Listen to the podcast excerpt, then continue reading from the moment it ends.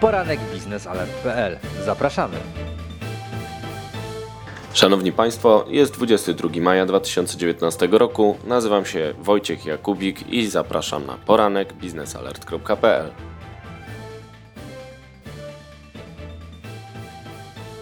Dzisiejszy dzień w redakcji biznesalert.pl zapowiada się pracowicie. Piotr Stępiński uda się na inaugurację budowy trzeciej linii do produkcji nawozów azotowych Anvil spółce Orlenu. W samo południe wystąpi tam prezes Orlenu Daniel Obajtek, który opowie o tej inwestycji, która ma zmienić oblicze firmy z tego względu, że e, będzie ona odchodzić coraz bardziej od tego korowego e, przedsięwzięcia, jak, jakim jest e, przerób ropy naftowej, na rzecz nowych branż, jak właśnie chemia czy petrochemia. Także dzisiaj odbędzie się zamknięte spotkanie w siedzibie polskich sieci elektroenergetycznych. Nie wiem, czy będę mógł coś z niego relacjonować, natomiast udam się tam, zostali tam zaproszeni dziennikarze po to, aby rozmawiać o przyszłości polskich sieci elektroenergetycznych, a wiadomo, że jest ona ważna chociażby z tego powodu, że zagrażają jej zmiany klimatu, jak e, trąba powietrzna, która w ostatnim czasie zaszkodziła także sieciom elektroenergetycznym w Polsce. Zajrzyjmy do dzisiejszych informacji. Reuters doniósł wczoraj, że 23 maja w Warszawie odbędą się rozmowy o zanieczyszczonej ropie.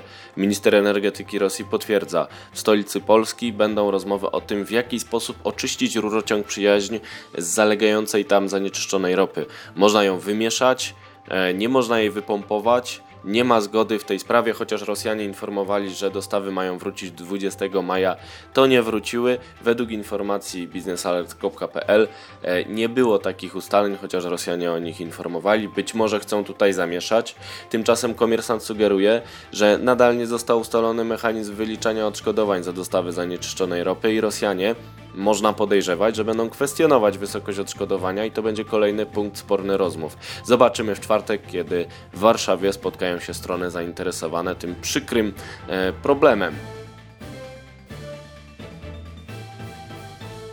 Chciałem polecić dzisiejsze teksty, czyli rozmowę Piotra Stępińskiego e, na temat interwencji w ceny energii. Otóż przemysł energochłonny apeluje o zmianę polityki rządu, wsparcie przemysłu energochłonnego. Mówi o tym Henryk Kaliś, przewodniczący Forum Odbiorców Energii Elektrycznej i Gazu w rozmowie z biznesalert.pl. Zapraszam do lektury.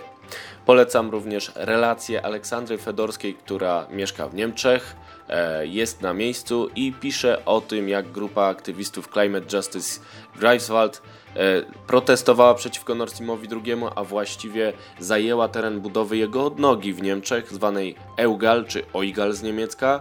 Jeden e, z ekologów wpełzł nawet do rury, która miała posłużyć do budowy tej odnogi i o co chodzi tym aktywistom, dlaczego protestują, czy mogą dalej protestować, o tym więcej w tekście Aleksandry Fedorskiej.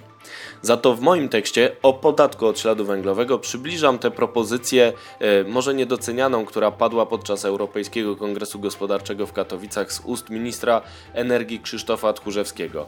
Podatek od śladu węglowego. Co to takiego jest? Dlaczego to może być dobry pomysł? Dlaczego warto na ten temat rozmawiać? O tym więcej w moim tekście.